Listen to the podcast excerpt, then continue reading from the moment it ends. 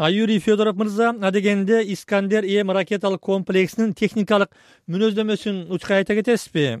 Эсибизде бир ирет орусиянын азыркы премьер министри дмитрий медведев президент кезинде ал ракеталар менен батышты европаны коркутту эле да? Э, искандер э, м да это ракетный комплекс э, дальностью искандер м бул ракеталарынын учуу узактыгы беш жүз чакырымга чейин жеткен комплекс. Орусиянын кубаттуу жана заманбап куралынын бири деп саналат. Аны эки вариантта колдонууга болот. Кадимки да өзөктүк дүрмөтү бар дагы ракета менен. Орусия адатта бул комплекстерин батыш аскерий округунда анын ичинде калининградда да жайгаштырган. Алар жайгаштырылган экинчи аймак чыгыш аскерий округу батыш аскерий округуна жайгаштыруудагы эсеп алар натого каршы колдонула алаары болсо чыгыш аскерий округда турушу кытай менен ыктымал аскерий жаңжалды эсепке алуудан чыккан маселе. Орусиянын чыгышында бул ракеталар үчүн башка бута жок. Для этих ракет на востоке э, страны э, на востоке россии просто нет орусия искандер м ракеталык комплексин өлкө аймагынан тыш жакта биринчи ирет былтыр тажикстандагы машугуда сынаган болчу. Анда борбордук аскерий округдун командачылыгы тажик ооган чегинен он беш чакырым алыстыкта террорчулардын базасы делген лагерге сок курулду деп билдирген. Орусия үчүн бул тактикалык комплексти борбор азия өлкөлөрүнүн анын ичинде кыргызстанга алып келип сыноонун максаты эмне жатат? Вопрос о том зачем эти ракеты перевезены или привезены э, бул ракеталар кайсыл бир машыгууда колдонулуп тааныш эмес жаңы абалда. Аймакта сыноодон өткөрүлүү максатында эмне себептен алынып келинди деген суроого менде жооп жок.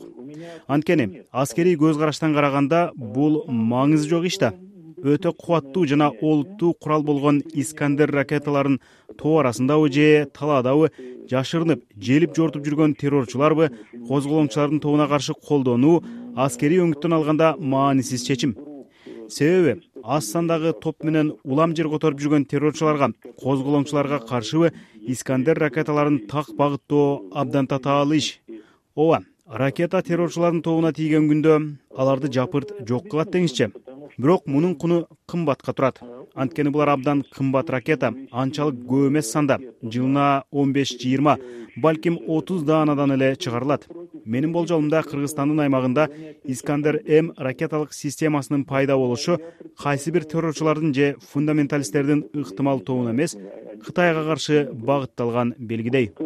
Сигнал направленный э, я думаю против китая. Аларды ары бери ташуу деле машакаттуу иш болсо керек туурабы? Да ну смотрите значит комплекс ну это называется на военном языке. Искандер м комплексинин эки ракета орнотулган жабдуусу чоң жүк ташуучу унаада өзүнчө турат. Прицеп катары чиркелген командалык блогу бар. Ракетаны мээлеп багыттоочу системасы өзүнчө кабинада ракеталык комплекстин бирөөсүн алыс аралыкка жылдыруу үчүн ил жетимиш алты өңдүү ири транспорттук учак керек темир жол аркылуу болсо эки үч вагон талап кылынат. Иши кылып жөнөкөй жумуш эмес. Менимче муну менен орусиялык аскер кызматчылар мындай ракеталык комплексти бир өлкөдөн экинчи өлкөгө канчалык ыкчам таштоого болоорун аны тейлеген топ канча убакытта күжүрмөн даярдыкка келтире алаарын түшүнүүгө аракеттенип жатышкандай. Башкача айтканда маселе бул жерде кайсы бир бутага тийүүдө эмес мобилдүүлүктө.